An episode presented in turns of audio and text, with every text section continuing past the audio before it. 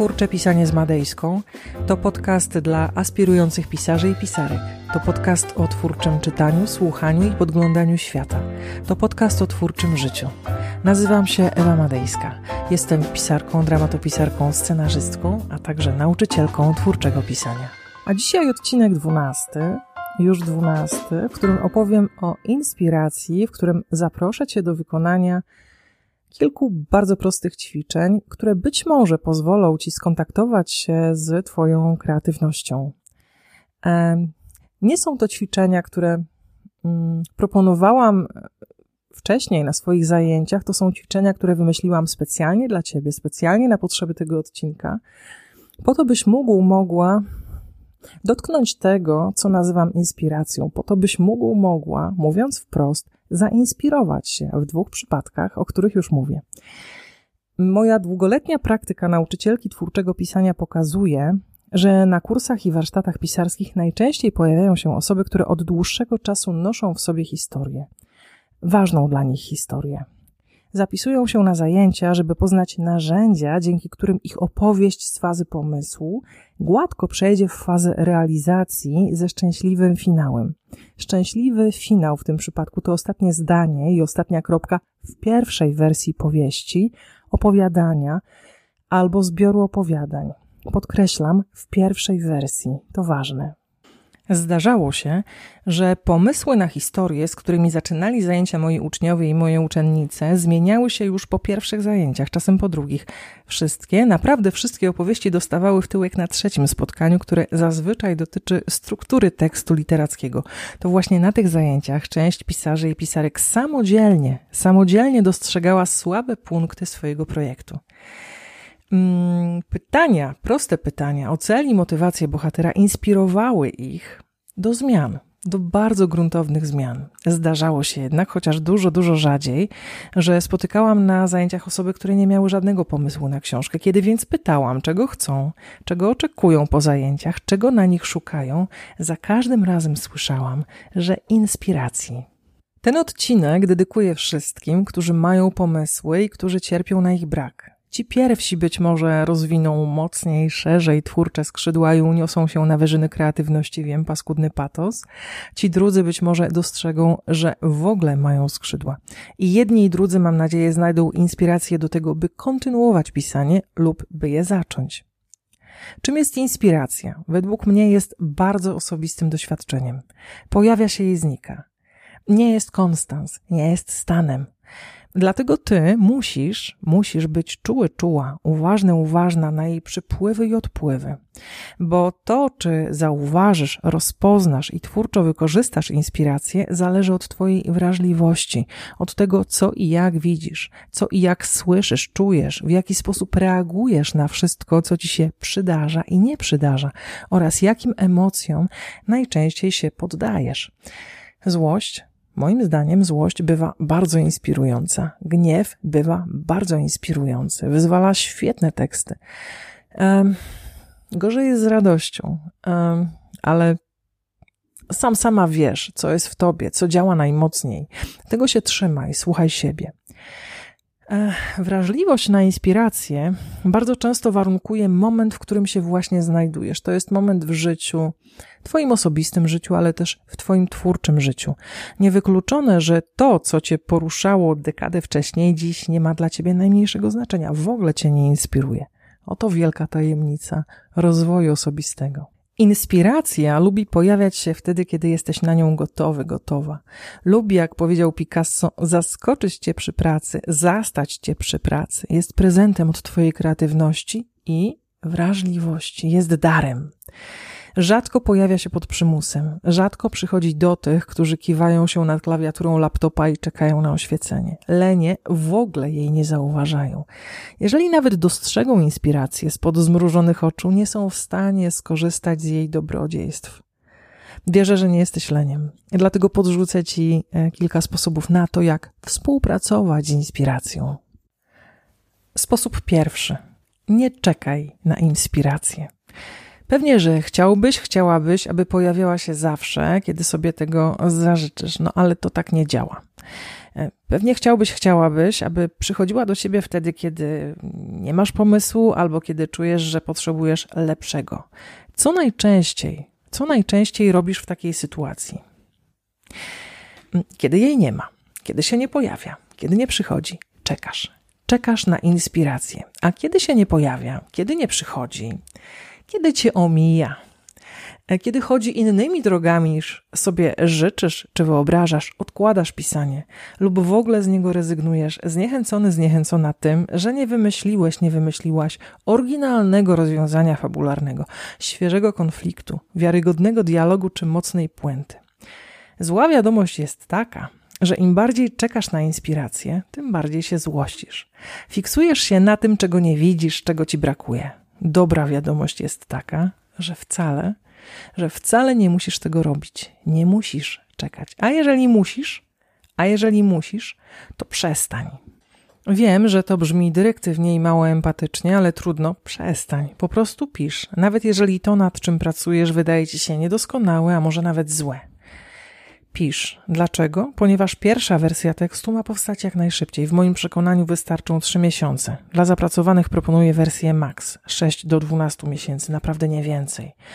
Jeżeli masz pomysł, jeżeli w niego wierzysz, nie czekaj. Nie ma na co, to tylko pierwsza wersja, niedoskonała, do poprawy, do zmiany. Pogódź się z tym. Po prostu. Dlatego zastanów się, czy naprawdę chcesz się kiwać nad każdym zdaniem, nad każdą sceną, nad każdym konfliktem czy dialogiem. Nie warto.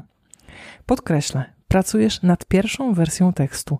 Im dłużej, im mocniej będziesz się kiwać, tym bardziej, tym mocniej poczujesz się wykiwany, wy, wykiwana po tym, jak skończysz idealną pierwszą wersję. Bo jak to?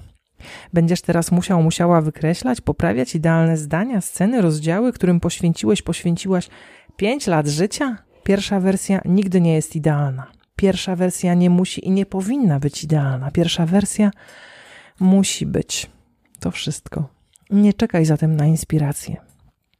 Jeżeli będziesz pisać, wcześniej czy później ona się pojawi, a ty z całą pewnością ją zauważysz, ponieważ zastanie cię przy robocie. Ćwiczenie. Zacznij więc. Zacznij od czegokolwiek. Na przykład od opisu starej wierzby płaczącej, plaży w lutym, o świcie albo klatki schodowej w stuletniej kamienicy. Zacznij od miejsca, od jakiegokolwiek miejsca, od prostego opisu tego miejsca. Potem w to miejsce w tę przestrzeń zaproś swoich bohaterów. Proponuję ci Zuzannę i Krzysztofa. Nie mam pojęcia, kim oni są, ty się tego dowiedz. Zostań z nimi przez chwilę. Przyjrzyj im się. Dlaczego znajdują się w miejscu, które przed momentem dla nich wybrałeś? Jak wyglądają Zuzanna i Krzysztof? To ważne. Koniecznie napisz, jak wyglądają Zuzanna i Krzysztof. Dalej, jaki szczegół otoczenia zatrzymuje Twoją uwagę? Mówiłam o otoczeniu, o opisie otoczenia w poprzednim odcinku podcastu. Pamiętaj o dźwiękach, o zapachach, o porze roku, dnia lub nocy. Następnie obserwuj, co się dzieje, przede wszystkim w tobie. Co czujesz, kiedy myślisz, że to może być początek opowieści? Pisz. Proponuję plan minimum. Dwie, trzy strony znormalizowanego maszynopisu. Tyle wystarczy. Sposób drugi. Wyjdź ze schematów. Po raz pierwszy. Lubię jedno z ćwiczeń mindfulness, które proponuje, aby w tym, co doskonale znajome, dostrzec to, czego się jeszcze nie zauważyło. Autorzy ćwiczenia zalecają, aby w trakcie spaceru, na przykład spaceru lub podczas rutynowych zadań w domu, dostrzec rzeczy, których się wcześniej nie widziało. Często wykonuję to ćwiczenie. Lubię je. Okazuje się, że nawet w starej kuchni, na przykład podczas nudnych porządków wiosennych, można przeżyć kilka fascynujących przygód, e, wycieczek e, w przeszłość. Ostatnio znalazłam słoik pieprzu, który mój ojciec przywiózł z Indii w połowie lat 80. W połowie lat 80. zaczynałam liceum, podkochiwałam się w pewnym Pawle i myślałam, że wszystko jest możliwe. Przypomniał mi o tym słoik ze starym, lecz wciąż mocno pachnącym pieprzem. Spróbuj. Rozejrzyj się, spójrz na to, co znasz inaczej, z nowej perspektywy, na drogę do osiedlowego sklepu, na swoje dziecko, na psa, kota, na siebie. Zrób coś inaczej. Umyj zęby, trzymając szczoteczkę w lewej ręce, jeżeli jesteś praworęczny, praworęczna. Przeczytaj książkę, której, jak sądziłeś, sądziłaś, nigdy nie przeczytasz. Myślę tu raczej o gatunku, nie o konkretnym tytule. To początek tego ćwiczenia. Bo dalszy ciąg polega na tym, abyś inaczej popatrzył, popatrzyła na to, co piszesz, przede wszystkim na swoich bohaterów. Być może, być może jest tak, że już się do nich przyzwyczaiłeś, przyzwyczaiłaś. Być może zdaje ci się, że znasz ich na wylot. A może czujesz, że są nudni, apatyczni, beznadziejni. Może kiedyś tacy nie byli, ale jakoś tak się stało, że no właśnie są. Może czasem myślisz o nich, że są głupi, może czujesz, że przestajesz ich lubić, może wręcz przeciwnie. Może lubisz, kochasz ich tak bardzo, że nie potrafisz ich skrzywdzić. Każda z postaci, które wymyślasz, to twoje alter ego lub broń Boże ego. Pamiętaj, że kiedy nie krzywdzisz bohaterów w granicach rozsądku, a przede wszystkim w granicach gatunku oczywiście, twoja fabuła cierpi, ponieważ bez napięcia, bez konfliktu robi się mdło, nudno, sentymentalnie. Zastanów się, czy nie myślisz o swoich bohaterach schematycznie. Załóżmy, że wiesz albo wyobrażasz sobie, jak zachowuje się typowy czterdziestolatek po śmierci żony lub wesoły neofaszysta z koktajlem Mołotowa w kieszeni. Gęba zakapiora, ale co w głowie, co w emocjach, co w motywacjach. Zastanów się, czy nie wrzucasz swoich postaci do szufladek pełnych stereotypów i klisz, Pomyśl, czy nie idziesz na łatwiznę, kiedy rozpisujesz ich cele, pragnienia i motywacje. Przede wszystkim zastanów się, ile w każdym bohaterze jest tak naprawdę ciebie i czy rzeczywiście w każdym z nich chcesz przeglądać się jak w potłuczonym lustrze. Ja wiem, że część bohaterów to ty, ale to nie jest zawsze konieczne. Po prostu. Popatrz na powieściową zgraję inaczej, z nowej perspektywy. Zobacz w niej to, czego nie widziałeś, nie widziałaś wcześniej. Spróbuj. Napisz kilka scen, które nie muszą znaleźć się w powieści lub opowiadaniu. Scen, w których skonfrontujesz swoich bohaterów z tym, czego boją się najbardziej, z tym, czego nie chcą najbardziej, z kimś, kogo naprawdę nienawidzą, albo z kimś, kogo kochają, lecz muszą okłamać. Postaw ich w sytuacji granicznej. Sprawdź ich, przeczołgaj ich, upokurz ich, jak wyjdą z tej próby. Może typowy owdowiały czterdziestolatek jest psychopatą, który po śmierci żony namawia naiwne kobiety na duże pożyczki w bankach, a neofaszysta spreparował koktajl Mołotowa w butelce po soku swojej młodszej siostry, którą pomaga wychowywać samotnej matce. Nic nie jest takie, na jakie wygląda. I to jest super. A sztuczka jest bardzo prosta. Pracuj nad zużytym pomysłem tak długo, dopóki nie znajdziesz oryginalnego podejścia do tego, co znasz, co wiesz, co rozumiesz, a nawet co lubisz. No i czego nie lubisz. Wiesz, co jest w tej sztuczce najtrudniejsze? To, żeby rozpoznać kliszę, żeby nazwać stereotyp. Jeżeli to zrobisz, połowę roboty masz za sobą. Wychodzisz ze schematów. Tak trzeba. I ćwiczenie. Ćwiczenie, które ma swoje źródło w anegdocie, którą pamiętam jeszcze z filmówki. Dotyczyła ona scenarzysty, który podczas pracy nad skryptem zastanawiał się, co na miejscu jego bohaterów zrobiłaby królowa angielska, chyba ona, po czym kazał swoim bohaterom robić zupełnie inaczej. A zatem zadanie. Napisz scenę kłótni między Krzysztofem a Zuzanną na maksymalnie dwie, trzy strony znormalizowanego maszynopisu. Zostań przy Krzysztofie i Zuzannie. Niech bohaterowie kłócą się w miejscu, które opisałeś, opisałaś w zadaniu pierwszym. Następnie przeczytaj na głos. To, co napisałeś, napisałaś na głos. Wtedy usłyszysz mm, to, czego nie zobaczysz, tak naprawdę. A w głośnym czytaniu wychodzą wszystkie błędy. Następnie przepisz to, co napisałeś, napisałaś. Niech Krzysztof i Zuzanna zachowują się zupełnie inaczej niż w pierwszej wersji tego ćwiczenia i zupełnie inaczej niż ty. Jeżeli ty krzyknąłbyś, krzyknęłabyś na ich miejscu, niech Krzysztof i Zuzanna milczą. Jeżeli ty milczałbyś, milczałabyś na ich miejscu, pozwól Krzysztofowi i Zuzannie krzyczeć. Jeżeli masz skłonność do nadużywania inwektyw, pozwól Krzysztofowi i Zuzannie mówić inaczej, bez przekleństw. Jeżeli w pierwszym ćwiczeniu napisałeś, napisałaś, że Krzysztof jest wysokim blondynem, niech teraz będzie przesadzistym brunetem, z wąsami może. Jeżeli Zuzanna była szczupłą kobietą, niech teraz będzie obsadną babką z lwią zmarszczką na czole. Zmierz się z tym, co obce, co nieidealne. To jest cel tego zadania. Niech twoi bohaterowie nie będą tobą. Niech twoi bohaterowie nie będą nawet takimi, w cudzysłowie, ludźmi, jakich lubisz, jakich akceptujesz. Niech będą inni. Poćwicz wyobraźnię. Zainspiruj się tym, co nowe. Przyjrzyj się swoim bohaterom. Na koniec sprawdź, co w tobie, kiedy radykalnie zmieniasz tekst. Czy jesteś gotów, gotowa na takie transformacje? Jak się z nimi czujesz? Sposób trzeci. Wyjdź ze schematów po raz drugi. Tym razem ze schematów i klisz językowych. Być może, kiedy się denerwujesz, w twojej krtani zawsze rośnie kaktus.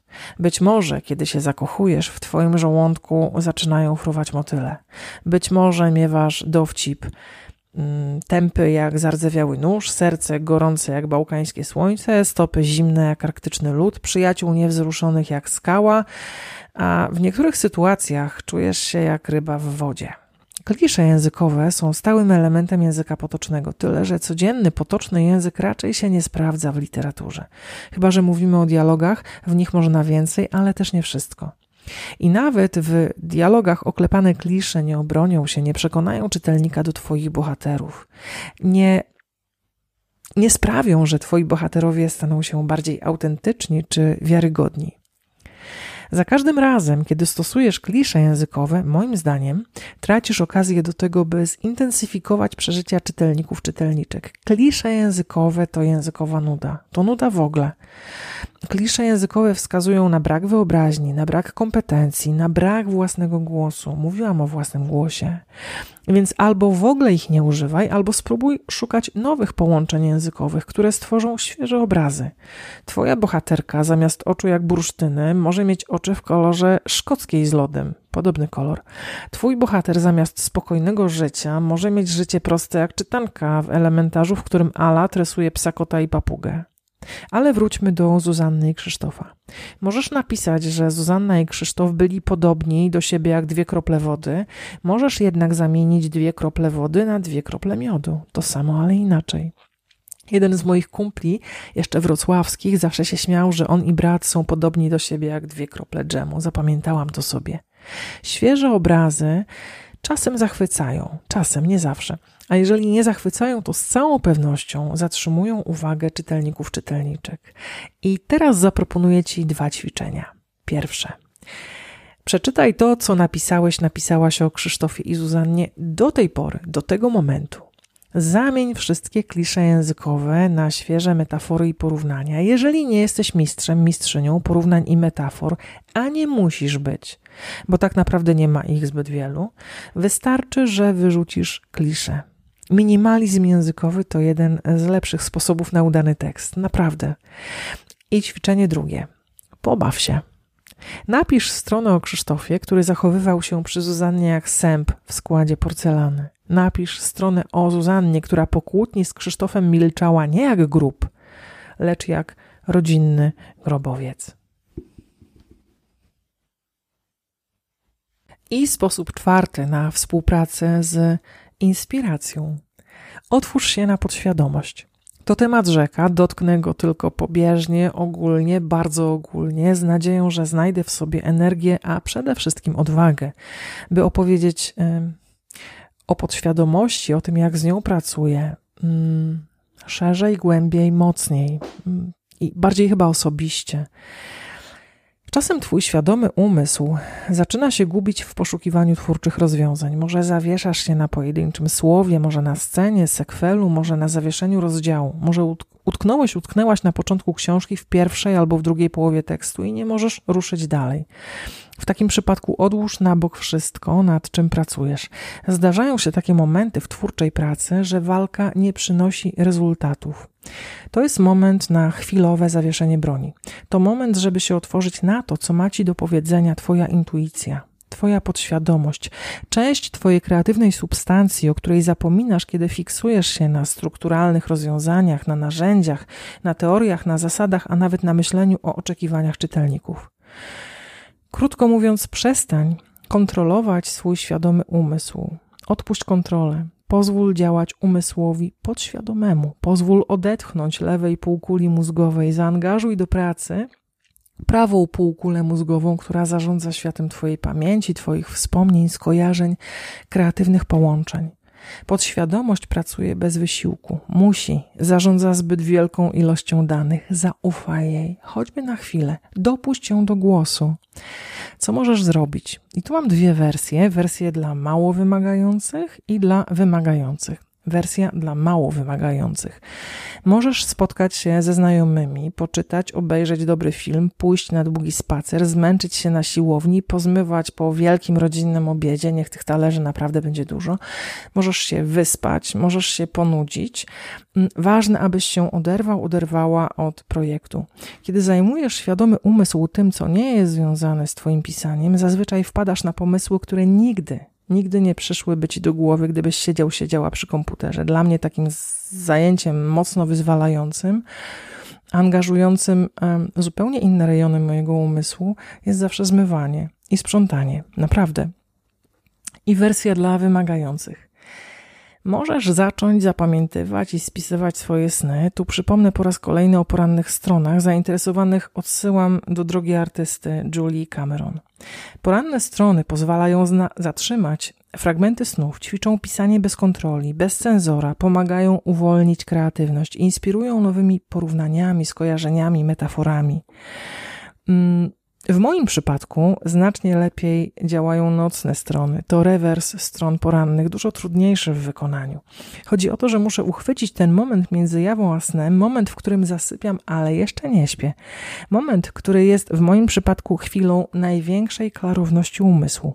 Dlatego zawsze mam przy łóżku, pod poduszką notes i długopis. Jedyny kłopot to obudzić się i zrobić notatkę, w miarę zrozumiałą notatkę, mm, bo same hasła czasem nie, nie działają, czasem nie wiem o co mi chodziło.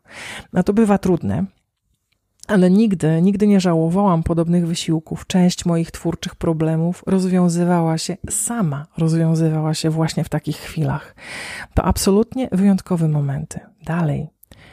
Możesz medytować. 30 minut dwa razy dziennie naprawdę dystansuje wobec nie tylko pisarskiego problemu. Następnie pozwala podejść już do pisarskiego problemu, ale też do każdego innego w zupełnie nowy sposób.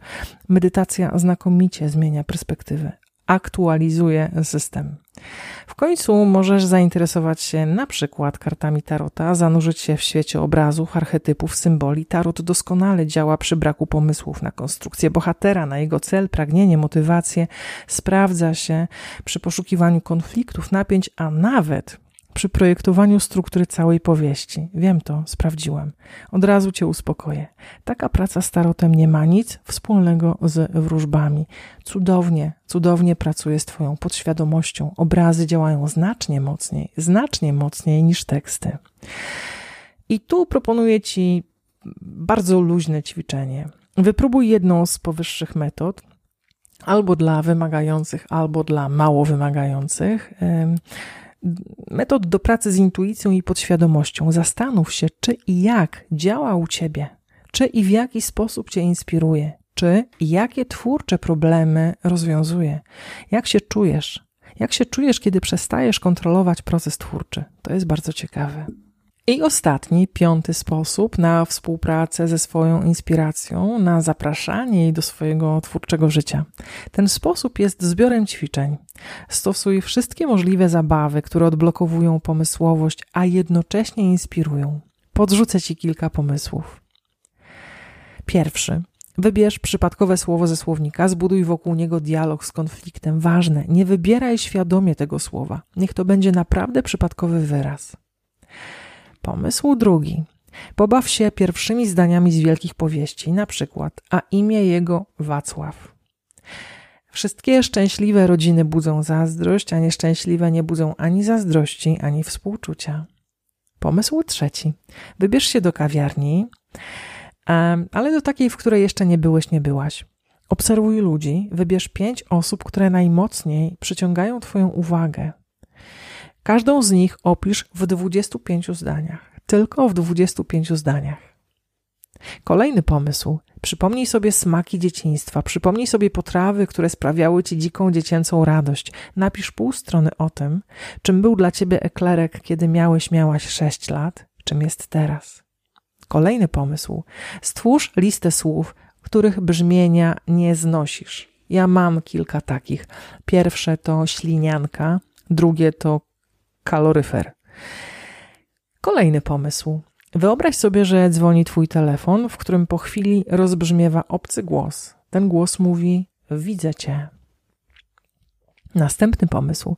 Wyobraź sobie, że zostałeś, zostałaś aresztowany, aresztowana. Możesz skontaktować się z jedną, jedyną osobą. Kim będzie ta osoba? Ważne, żeby to nie był ktoś, kogo lubisz, kogo szanujesz, z kim chciałbyś, chciałabyś się spotkać. Buduj konflikt.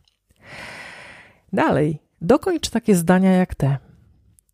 Kiedy zmrużyła oczy, zrozumiałem, że gdy mgła uniosła się do góry, ujrzałam, kiedy pociąg dojeżdżał do Gdańska, przypomniałem sobie, nigdy wcześniej nikomu nie powiedziałem, że zobacz, dokąd prowadzą cię te zdania. Sam sama wymyślaj podobne ćwiczenia.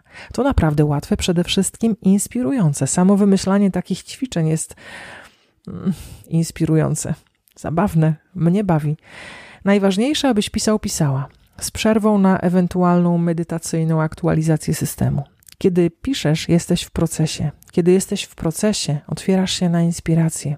Kiedy otwierasz się na inspirację, mówi do ciebie wszystko, co widzisz, co słyszysz, co czujesz. Wszystko cię inspiruje. Naprawdę wszystko. Nawet przedwyborcze billboardy. Sprawdź to.